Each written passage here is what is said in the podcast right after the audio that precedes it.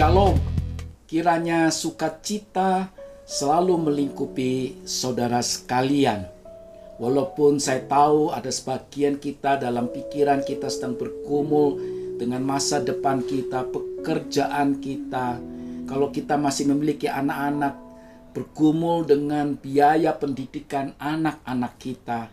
Atau ada sebagian kita sedang bergumul dengan kesehatan kita. Maka saya boleh katakan apa pun yang menjadi pergumulanmu serasa tidaklah berkelebihan kalau saya boleh katakan bulan-bulan di depan kita adalah bulan-bulan yang tidak mudah untuk kita jalani. Sangat tepat kalau kita saat ini adalah saat untuk kita mengencangkan ikat pinggang kita. Bekerja lebih keras lagi dengan mohon ketelitian dan hikmat dari Tuhan untuk boleh menata hidup ulang dari seluruh kehidupan setiap kita. Saat ini adalah saat di mana pesta pora itu telah usai. Sekarang saatnya untuk kita mulai cuci piring.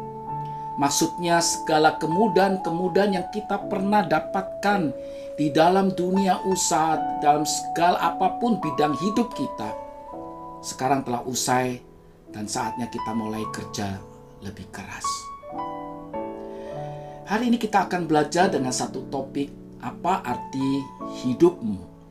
Terambil dari Yakobus pasal yang keempat ayat ke-14 hingga ayat yang ke-15. Sedang kamu tidak tahu apa yang akan terjadi besok. Apa arti hidupmu?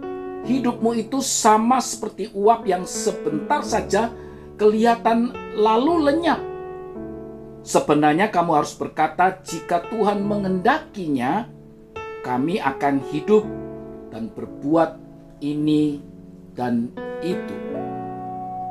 Yakobus di dalam suratnya ini menegur dengan keras kepada segolongan orang-orang kaya yang menyombongkan kapasitas yang dia miliki berkaitan dengan usaha pekerjaan yang mereka lakukan.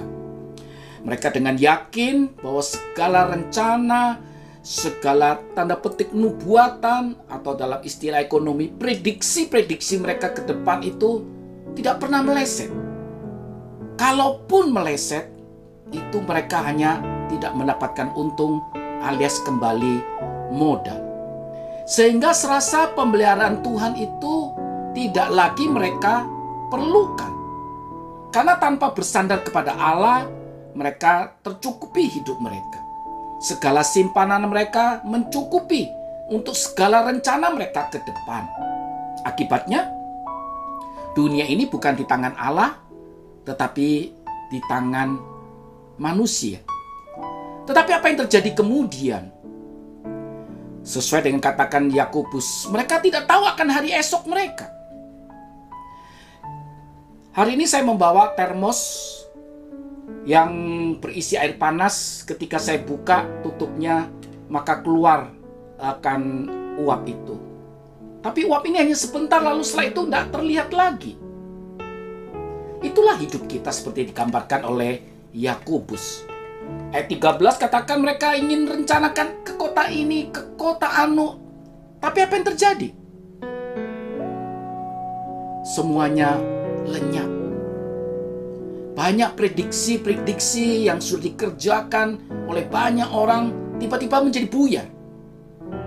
Rencana ke kota Anu atau ke negara Anu semuanya tertunda.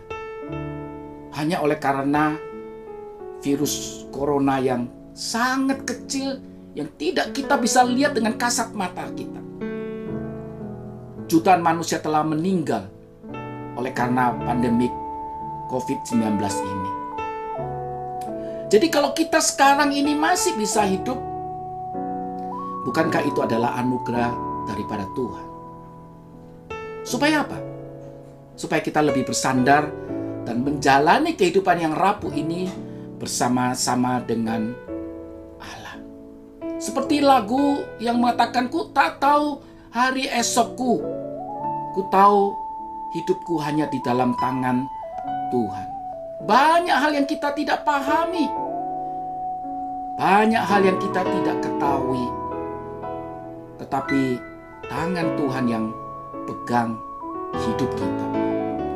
Biarlah dalam kondisi-kondisi seperti ini kita terus boleh menguji fokus hidup kita, kualitas hidup kita, passion hidup kita.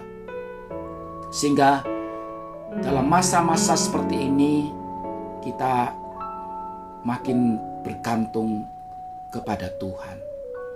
Karena hidup kita makin berarti, makin bernilai ketika kita menyandarkannya di dalam kekekalan yaitu kepada Allah, bukan dalam kesementaraan hidup pada hal-hal yang bersifat materi yang sebentar saja bisa lenyap adanya.